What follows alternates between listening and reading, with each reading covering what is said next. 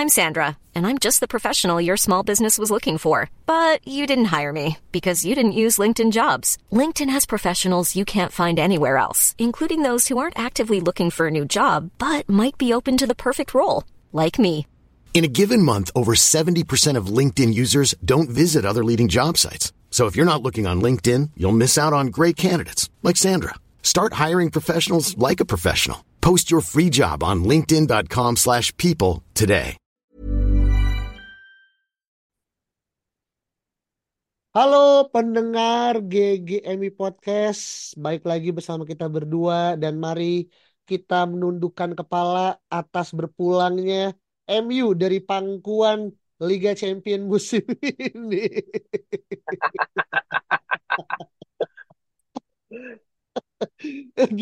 Gimana Vin? Dari mulai persiapan starting di mana banyak orang cukup percaya pede wah ini it's coming home dalam porsi tiket masih bisa kita gapai selama kita menang dan Copenhagen serta Galatasaray seri gitu kan. Wah ini masih bisa nih. Eh ternyata buru-buru kita menang kita kalah di kandang gitu. Secara starting ada masalah nggak secara pemilihan Vin? Nah ini masalah starting juga menurut gue agak membingungkan gitu. Membingungkan dalam arti gini, yang main itu kan akhirnya Maguire sama Varane dan ternyata pas main Varane itu di back tengah kiri. Nah yang gue bingung adalah kayak yang gue makin bingung adalah ketika Maguire diganti dan kemudian eh, karena cedera ya, kemudian digantikan sama Johnny Evans. Nah Johnny Evans ini ternyata mana di kanan, bukan di kiri. Sedangkan pas lawan City itu Evans dipilih di back tengah kiri lebih dipilih daripada Varane gitu karena katanya tactical reason. Sekarang ketika keduanya bermain ternyata Evans mainnya di kanan bukan di kiri gitu. Jadi ini makin membingungkan kenapa lu memainkan eh, apa ya memilih sekarang memilih Varane dan gak dari kemarin-kemarin gitu. Ternyata Varane dimainkan juga di sana dan ternyata juga Varane nggak sejelek itu mainnya gitu loh. Maksudnya dalam hal build up malah dia kaki kirinya lumayan hidup gitu loh menurut gua semalam nggak yang statis pakai kaki kanan, tapi ketika dia angle kaki kiri dia bisa memberikan operan di sana gitu. Jadi menurut gua mungkin ini lebih kepada selera ya gitu, bukan masalah taktikal doang, tapi masalah selera gitu. Dan yang mungkin tidak mengagetkan tapi gua harapkan berubah adalah ya Scott McTominay, yang mana kita berharap tengahnya Amrabat dan Mainu, tapi ternyata ya memang lagi-lagi yang dimainkan tetap Scott McTominay di sana gitu. Jadi untuk sisanya sih semua expected sih. Hmm, I see. Berarti lebih kepada kembalinya ya. Karena keseingat gue juga Varane setelah berapa match ya Vin ya. Dia sempat dikaitkan dengan isu tidak harmonisan dengan Ten Hag. Dia yang dianggap rentan cedera lah. Dia yang akan disold di Januari lah. Ternyata kemarin gue juga kaget tuh dia main sebagai starting gitu kan. Dan somehow ya masih punya inilah standar dia sebagaimana orang yang memang pengalaman menjuarai lima kali Liga Champion gitu kan. Eh, tapi Indian akhirnya kita harus kebobolan ya di men- di babak kedua gitu kan. Dan lucunya adalah Leroy Sané itu udah merayakan gol bahkan sebelum tendangannya di, di ditendang gitu buat gue lucu aja sih Eh, dan juga Onana yang sekali lagi menjadi anti-hero-nya United pada gol yang terjadi. Tapi kalau dilihat Vin, di babak pertama kita ada beberapa peluang ya. Termasuk juga peluang yang didapatkan sama Bruno Fernandes di mana sayangnya tendangannya tuh ke atas gitu kan.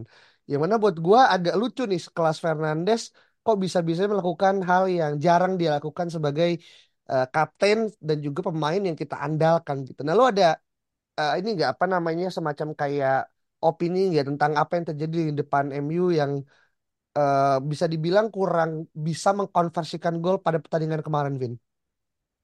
Iya, sebenarnya apa mau dikonversi gitu. Peluang kita tuh tadi lu bilang beberapa sebenarnya nggak beberapa, ya cuma satu atau dua gitu loh. Yang mana itu sangat sangat kurang untuk bisa mencetak gol gitu. Jadi ini sebenarnya masalah taktikal juga sih. Jadi memang konsekuensi dari memainkan Scott McTominay adalah ya membuat Bruno Fernandes ini jadi mundur ke belakang membantu Sofyan Amrabat dalam build up gitu. Nah, ketika bola udah nyampe depan ya Bruno-nya masih di belakang gitu loh. Dan Scott McTominay ini kan lebih ke goal scorer ya, bukan kreator. Jadi kasarnya lu malah memiliki dua goal scorer gitu, yaitu eh, Rasmus Højlund dan juga Scott, Scott McTominay. Tapi lu mengorbankan kreator di tengah gitu loh. Jadi kayak ya itu agak aneh sih kayak ngapain gitu loh ada dua goal scorer tapi nggak ada yang supply. Mending lu ada yang supply tapi ya ada yang goal scorer juga gitu loh. Jadi ini menurut gua adalah eh, pemilihan pemain yang menurut gua eh, bukan blunder ya tapi ya ini pilihan Ten Hag memang seperti ini gitu. Mungkin dia lebih kepada sekarang result oriented ya karena pressure dan segala macam. Jadinya ya udah memainkan pemain yang memang selama ini bisa cetak gol yaitu Scott McTominay. Cuma memang secara permainan ya ini jadinya jelek banget gitu loh. Bruno turun jadinya akhirnya Bruno juga lebih sering ke sayap ya untuk crossing atau untuk menusuk atau untuk kombinasi gitu. Dan sayap kita juga semalam benar-benar babak belur menurut gue yang lawan Alfonso Davies ataupun uh, Mazraoui atau Laimer gitu. Jadi benar-benar ya ya kebaca aja. Kalau dari tengah dari Bruno pasti nanti bakal ke sayap gitu.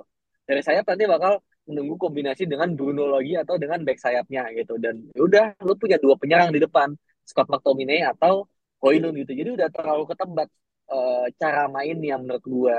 Itu sih satu hal yang bikin kita tuh jadi nggak punya kreativitas. Bruno terlalu mundur ke belakang, nggak punya kesempatan buat melakukan hal yang biasanya dia lakukan karena mengakomodir seorang Scott McTominay gitu. Hmm, hmm. Jadi lebih kepada banyaknya quote unquote ya, kayak apa ya, bisa dibilang tumbal Ordal, ordal. Iya, gue ngomong Oda gue ngomong tumbal yang harusnya memang Tenak lakukan walaupun memang mungkin itu bukan best options yang dia miliki gitu kan. Tapi dari pertandingan semalam juga ya, kita juga sadar emang pada saat gua ngelihat substitute yang kita punya itu emang setipis itu gitu. Dan tidak ada banyak opsi yang dimiliki sama Tenak juga. Lo lihat bahkan nama-nama kayak Dangor itu masuk ke dalam eh, apa namanya substitute ya. Eh, terlepas emang dia emang diorbitkan tapi buat gua kayak sekelas MU di mana Rashford dan juga Martial cedera Mount Casemiro kita nggak punya nama-nama lain gitu yang akhirnya bisa menopang tim ini sehingga kayak 11 yang ada ini ya sebisa mungkin bermain 90 menit full gitu loh Vin. Nah itu yang gua ngerasa banyak yang eh, secara squad pun juga kita kalah ya secara kualitas dan juga kedalaman gitu kan. Dan di babak kedua gue sih ngerasa emang ini tinggal masalah waktu aja sih kapan Iya. eh, gol itu akan terjadi gitu kan. Dan kalau ada Saung nih enak kali ya. Saung kan pengen Harry Kane datang kan ke MU gitu. Dan eh, semalam tuh adalah semacam kayak perjumpaan yang cukup realistis gitu untuk Kane datang ke Old Trafford tapi sebagai tamu bukan sebagai tuan rumah. Dan lu ngeliat penampilan Ken deh, mungkin sekilas gitu kan. Ini kan Ken kan kita anggap the one that got away ya. Seseorang yang eh, cabut secara entah kenapa dan gimana. Gimana, Vin? Penampilan Harry Kane, Vin? Ya Harry Kane bagus gitu. Dia menunjukkan bahwa dia penyerang kelas dunia dan dia termasuk complete striker ya gitu. Jadi memang semalam Harry Kane gak terlalu banyak di kotak penalti. Dia lebih banyak mundur ke belakang membantu build up gitu. Dan mencoba menarik satu backnya. Karena dia tahu Varane itu memang ngikutin Harry Kane gitu. Makanya sering banget Varane itu uh, keluar kan dari posnya karena ngikutin si Harry Kane ke luar kotak penalti gitu. Dan itu adalah satu, dua, tiga kali sebenarnya kita kena batunya lah ya. Hampir kebobolan karena ketika Kane uh, dapat bola, Varane keluar juga, Kane bisa ngasih ke sayap, sayap tiba-tiba crossing udah kosong gitu. Cuma memang ya Munchen memang cuma gigi satu semalam gitu. Jadi kalau Munchen lebih serius tuh bisa tiga nol empat nol itu sangat mungkin terjadi gitu dengan dengan dengan skema bertahan seperti semalam ya gitu. Jadi menurut gua semalam juga dibuktikan dengan first touch-nya kan dari gue lupa dari siapa mungkin Goretzka atau siapa kemudian ke Kane kemudian ke Kingsley Coman gitu. Jadi menurut gue ya ya itulah world class striker yang kita nggak punya pada saat ini gitu dan harusnya ada. Mhm. Oke, Ini bisa dibilang semacam kayak reuni ya, karena Kane sekali lagi kembali ke Inggris gitu kan. Dan eh, mungkin dia juga masih apal ya atmosfer karena Kane juga adalah orang yang eh, turut ya menjadi aktor dari kemenangan Tottenham ya Vin ya. 6-1 ya. Kalau gue Hmm, bener gak sih? Iya kan? Eh, di ya. Old Trafford Hmm. tahun 2020. Eh, dan dia menjadi orang yang mencetak gol juga. Jadi dia masih paham lah ya senti per senti di Old Trafford seperti apa gitu kan. Jadi buat dia walaupun nggak mencetak gol, at least dia bisa memberikan sumbangsi secara football IQ gitu. Karena he's way above lah secara uh, kualitas ya dari apa yang kita miliki sejauh ini gitu kan. Tapi ini juga menarik nih Vin, karena dengan kekalahan kita, kita ada berada di juru kunci gitu. Yang mana gue nggak tahu nih apakah kita masih punya kesempatan gak ya main di uh, apa namanya peringkat ketiga. Gue nggak tahu uh, karena kita masih punya satu pertandingan lagi gitu kan. Tapi Eh, yang, yang mana? eh itu kita kan Udah udah nggak ada. Oh, udah gak ada Udah ya? nggak ada aja. Kelar aja. Aduh, Kelar. aduh, gue seolah-olah masih ada harapan ternyata emang udah selesai. Udah kelar. Iya, kelar. anjir, anjir. Oke, oke, gue revisi lebih kepada kita adalah tim eh, Liga Inggris pertama yang kejebolan itu 15 gol dan itu paling banyak di knock eh, di fase grup gitu. Lu gimana tanggapan dari fakta yang membagongkan ini, Vin? Ya ini memang apa ya defense disaster disaster kelas aja gitu. Di mana banyak faktor. Salah satunya adalah Onana, blunder. Kedua memang defense kita yang jelek, yang nggak bisa mempertahankan keunggulan. Dan yang ketiga ya ya dari strategi tenak juga gitu. Yang mana nggak bisa bikin kita mencetak gol lebih banyak lagi gitu. Jadi meskipun kebobolan banyak ya kita nggak bisa bikin gol lebih banyak lagi. Yang bikin kita nggak bisa meraih kemenangan gitu. Kita kan golin banyak ya di away. Kita masing-masing tuh tiga. Lawan Munchen tiga. Lawan Copenhagen tiga. Lawan Gala tiga. Tapi kita kebobolannya banyak juga kan. Masing-masing empat gitu. Kecuali Gala kebobolannya tiga gitu. Jadi kayak ya ini di Rio Ferdinand. Lu bisa cetak tiga gol away masing-masing. Tapi lu cuma bisa bawa pulang satu poin ya. Itu it's a crime gitu. Jadi memang inilah hal yang sangat concerning gitu. Terlepas dari kita kesulitan cetak gol, tapi kita sangat mudah untuk kebobolan. Itu, itu sih satu hal yang eh, disayangkan. Jadi gue sih nggak mau cuma point out to Andre Onana ya, tapi memang struktur bertahan juga jelek gitu. Lawan Copenhagen juga itu banyak salah back juga kan, gitu loh. Bukan cuma salah Onana juga gitu, malah lebih di eh, dipengaruhi oleh kartu merahnya si Rashford gitu. Jadi menurut gue Onana satu faktor, faktor kedua adalah ya memang pertahanan kita yang sangat-sangat mudah untuk dibobol gitu. Jadi ya bodoh sih memang. Cuma ya seperti inilah. Iya, iya. Eh gue tuh ngerasa kadang di musim ini fase fans MU menerima kekalahan dan juga inkonsistensi itu adalah udah menjadi terbiasa ya karena dari musim-musim lalu pun juga kita ya udah kayak gini terus gitu. Kalau dalam bahasa itu udah five stage of grief, kita udah acceptance gitu kalau ya udah gitu. Musim depan lagi deh gitu. musim depan disakitin lagi gitu kan.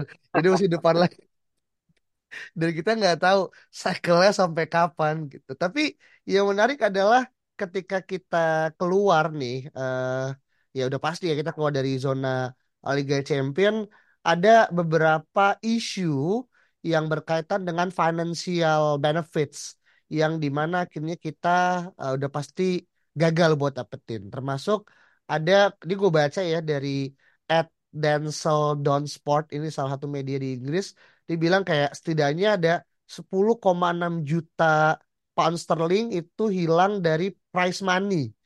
Eh, itu juga itu satu. Yang kedua impact on eh, FFP status di yang terkait dengan gaji ya, cap dan juga gimana kira transfer.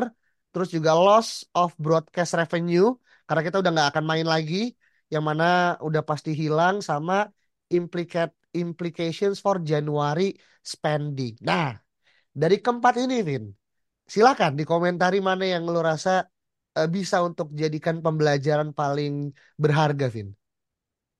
Ya semua memang impactful gitu. Cuma menurut gua apa ya? kayak- Ya gua nggak tahu ya. Eh, ini awam gitu. Ya 10 juta is nothing gitu loh. Ya, Kayak lu mau beli lu mau beli siapa gitu dari uang 10 juta gitu. Cuma gue mungkin nggak tahu ya berapa angka yang didapat dari si revenue tadi gitu. Revenue dari let's say eh, TV rights gitu. Itu itu satu hal yang gue nggak tahu gitu. Eh, kemudian implikasinya kepada tadi di mention juga masalah eh, bursa transfer gitu ya. Ya sebelum ini pun juga gue nggak tahu gitu seberapa pengaruhnya si apa price money ini ke dana transfer gitu. Apa iya dari kalau lu nggak dapat and then lu langsung nggak bisa beli atau kalau lu dapat 10 juta ini lu karena lu lolos and then 10 juta itu langsung pure buat Life is full of what ifs. Some awesome, like what if AI could fold your laundry? And some, well, less awesome, like what if you have unexpected medical costs? United Healthcare can help get you covered with Health Protector Guard fixed indemnity insurance plans. They supplement your primary plan to help you manage out of pocket costs. No deductibles, no enrollment periods, and especially no more what ifs. Visit uh1.com to find the Health Protector Guard plan for you. I'm Sandra, and I'm just the professional your small business was looking for. But you didn't hire me because you didn't use LinkedIn jobs. LinkedIn has professionals you can't find anywhere else, including those who aren't actively looking for a new job but might be open to the perfect role, like me. In a given month, over 70% of LinkedIn users don't visit other leading job sites. So if you're not looking on LinkedIn, you'll miss out on great candidates like Sandra. Start hiring professionals like a professional. Post your free job on linkedin.com/people today. Transfer gitu.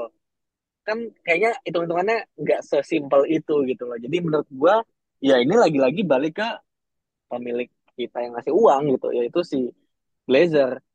J- jadi ini lebih kepada menurut gua ya kita mengurangi uang masuk ke Glazer gitu. Nah terlepas uangnya buat apa kan sebenarnya Glazer juga ada aja duitnya gitu loh. Cuma masalah FFP mungkin ya oke gue juga paham. Mungkin jadinya neracanya harusnya tadinya bisa ada plus 10 gitu kan ini Ya, malah jadi nggak ada plus 10 gitu ya. kan. Yang bikin kita nggak bisa membuat pengeluaran baru gitu. Ya ini memang semua ada implikasinya gitu. Cuma memang gue lebih menyoroti bagaimana at least musim ini em, gue mending nggak ke Europa League karena ya masalah cedera menurut gue lebih concerning gitu daripada masalah duitnya itu sendiri gitu loh pemain baru bisa datang tapi apa iya pemain baru ini langsung bisa membuat perubahan masif yang bikin MU mainnya bagus gitu loh. Jadi rather than itu gue lebih menyoroti bagaimana ya pada jadwal itu lebih ke diperkecil kemungkinan untuk cederanya gitu daripada kita tetap dengan eh, jadwal yang padat apalagi lebih padat lagi karena Europa League tapi kita bisa datang satu pemain yang harganya cuma 10 juta misalnya gitu loh gitu. Emang siapa yang harga 10 juta kan nggak ada juga gitu seenggaknya mungkin 15-20 juta.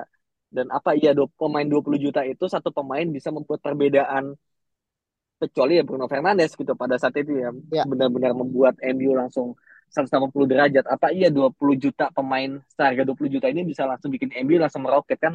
Kayaknya nggak kayak gitu konsepnya gitu. Jadi menurut gua kayak ya gue menerima sih memang MU ranking 4 bahkan dari match day 3 gue udah bilang gue menerima ranking 4 udah dan terjadi sekarang dan gue udah menerima udah dari berbulan-bulan yang lalu gitu. mm.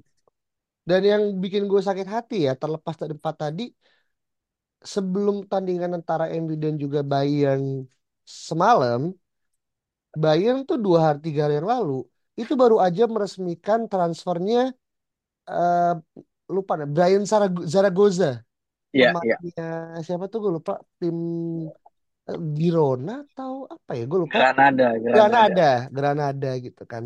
Dengan eh, status pembelian tapi di akhir musim gitu kan.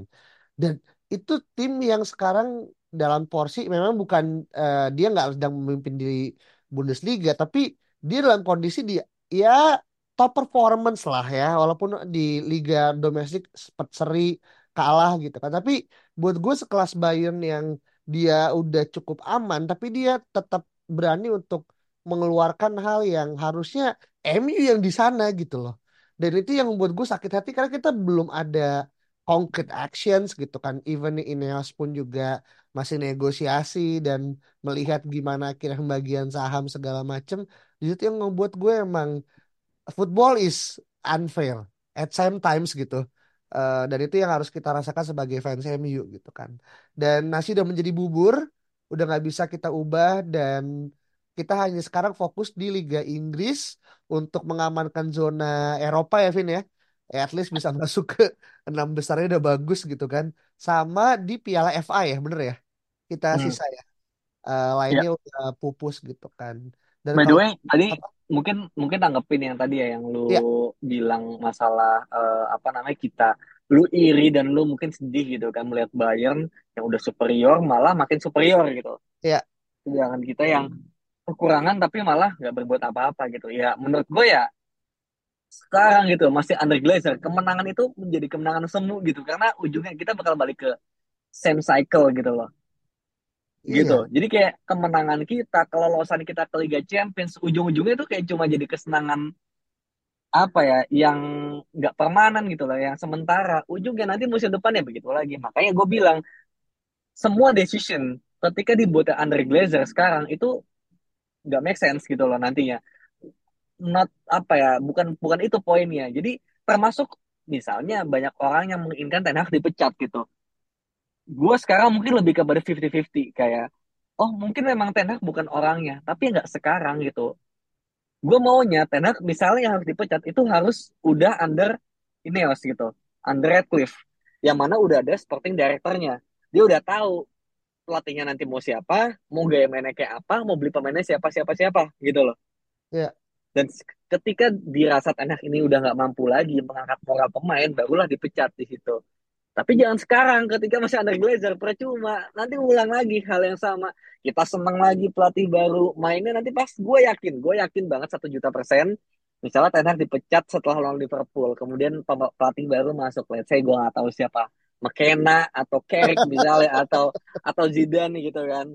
Pasti mainnya bagus, wah fluid football kita bakal seneng kan ya. Gue mah tahu-tahu aja, lihat aja nanti musim depan atau semusim lagi gitu kan. Bakal disuruh out juga gitu loh. Karena memang mungkin manajer itu adalah problem, tapi bukan main problem gitu loh yang harus di solve eh, sekarang gitu loh. Jadi ya buat apa lu ganti, lu malah keluar duit kompensasi 15 juta kan buat mencat Ten Hag. Ya udah gitu, terus gitu. Padahal masalahnya bukan di situ gitu. Masalah utama yang harus dibereskan tuh ya di ownership-nya gitu loh. Jadi mungkin banyak fans luar uh, fans MU atau mungkin non fans ya yang bilang wah papa nyalanya owner papa nyalanya owner. Ya mereka cuma nggak ngerti aja gitu atau mungkin just bantering aja gitu kan. Oh, ya, gitu. ya, cuma ya sebenarnya memang masalah memang dari owner gitu loh. Gitu. Jadi ya, ya, apa pun yang dibikin nggak akan make sense. Iya, selagi masih under Glazer. Kemenangan kita kemenangan kita yang absolut itu ketika Ineos masuk nanti.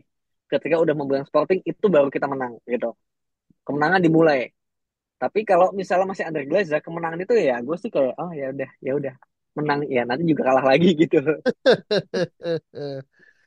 Ini ya kayak gue ngerasa ujungnya jadi kayak Ineos tuh kayak Lizard Evil gitu loh, Vin. Karena Ya, kita berharapnya adalah Sir Jim, eh sorry, se- eh, berapa adalah eh, siapa dari Dubai ya, eh, dulu kan. Jasim. Iya, Sheikh Jassim gitu kan. Terus Jassim nggak jadi gitu kan. For the sake of apa pun itu bentuknya alasan-alasan entah politis entah uang dan segala macam. Yang di mana Ineos yang dulu kita lihat adalah quote unquote jadi villain gitu.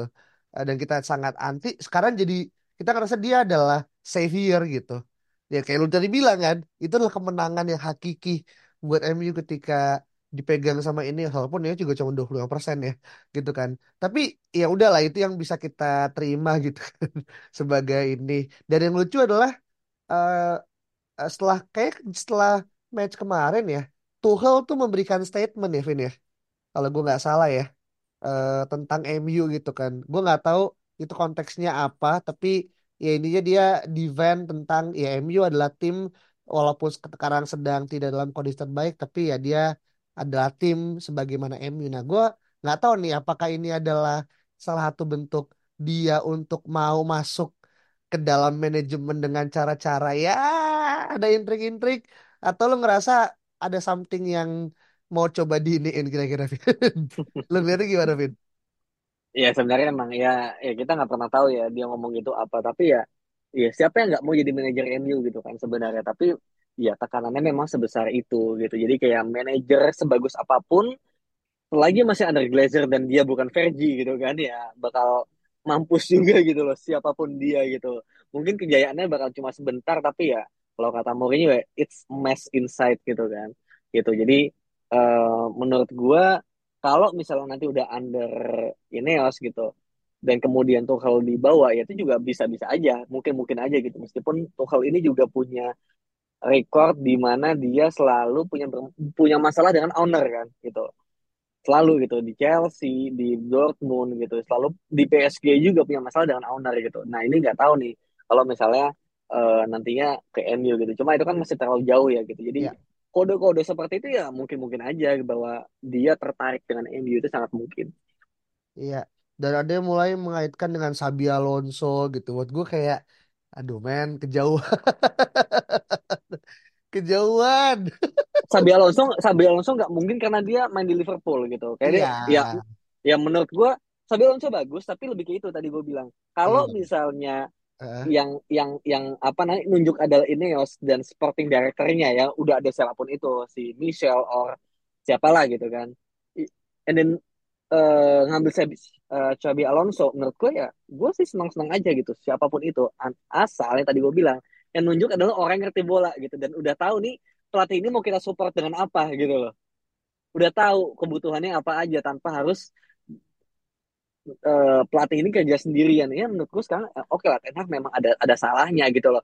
Tapi dia menurut gue jadi seolah kerja sendirian. Transfer dia ngurusin taktik dia ngurusin juga pemain dia urusin gitu jadi kayak ya dia literally kerja sendirian gak ada yang bantuin secara proper ya akhirnya ketika begini ya dia harus menanggung bebannya sendirian juga gitu Aduh, ini emang Mas Ten Hag nih, ini ya, kayak the man at any levels.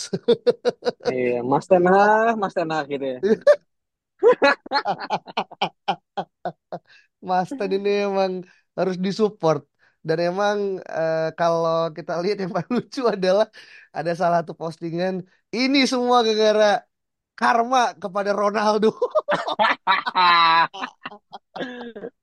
Aduh, itu adalah puncak komedi dari itu itu dari awal yang gua bangun eh, ini ini ya buat teman-teman yang dengar ini grup kita bertiga.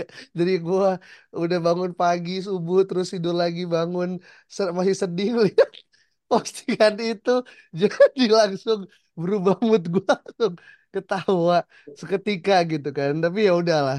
Semua orang eh, punya pendapatnya walaupun tidak semua pendapat layak didengarkan. ya kan kebebasan berbicara Iya, benar, benar, iya benar, benar, dan tidak menyinggung Heeh. siapa pun gitu kan.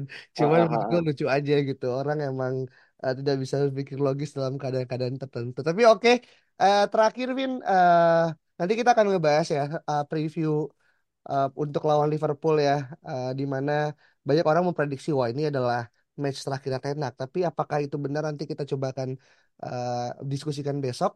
Eh, apa yang mungkin terakhir sebagai last statement? Karena dia juga udah kita udah nggak main Liga Champions lagi, jadi ya gua nggak last statement pas lah. Karena emang eh, boro-boro gue juga nggak yakin tahun depan juga kita akan ketemu time song yang sama gitu kan. Ada nggak apa yang mungkin eh, bisa dibagikan sebagai pembelajaran dari kurang lebih berapa? 6 match. 6 match kita di eh, grup eh, Liga Champions ini, Vin. Iya, eh, kalau pesan sebenarnya gue berharap banget, ya, berharap banget sekarang dengan NBA keluar Liga Champions, keluar Carabao Cup, fokus di Liga dan fokus di FA Cup. Inilah saatnya Ten Hag benar-benar mencoba untuk eh, apa ya, memainkan sepak bola yang seharusnya gitu. Ya, Yaitu dengan tidak menurunkan lagi Scott McTominay, tapi memilih Kobe Mainu di sana gitu. Ini adalah udah nggak usah result base lagi lah, karena udah udah udah nggak bakal dapat apa-apa gitu loh.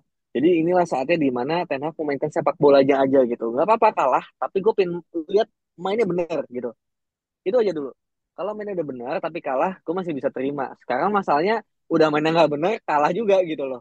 Karena terlalu oportunis gitu, terlalu mau ngejar hasil yang mana prosesnya banyak yang dilewati gitu. Jadi menurut gue, gue lebih terima bahwa kita kalah dengan berproses gitu. Itu itu harapan gue yang gue sebenarnya nggak yakin akan dilakukan sama Ten Hag karena kan dia cukup eh, stubborn ya menurut gue ya untuk melakukan hal-hal kayak gitu. Kayak benar-benar harus sampai di jurang dulu baru dia mengubah sesuatu gitu. Eh, kurang fleksibel lah. Kadang terlalu fleksibel, kadang terlalu keras kepala gitu. Jadi menurut gue ya Mas Erik, Mas Erik gitu kan. Mas Erik, benar. Apunten Mas, ini Iya, udah kita bukan anak eh, kita udah bukan anak kecil lagi lah, udah tahu lah ya.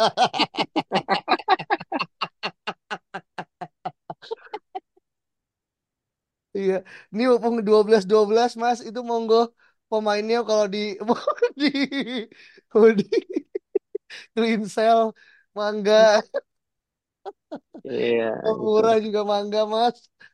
Hmm. Oke, itu eh, sebagai bagian dan ini adalah bentuk coping mechanism dari kita ya GGMI Podcast eh, membuat eh, suasana yang sebenarnya harum membiru jadi sedikit eh, penuh dengan gelak tawa walaupun tentu dengan perjalanannya panjang ya hingga akhirnya bisa mencapai ke sini gitu kan. Tapi kita tentuin eh, di match berikutnya akan lawan Liverpool. See you eh, untuk di episode berikut ya. Bye bye.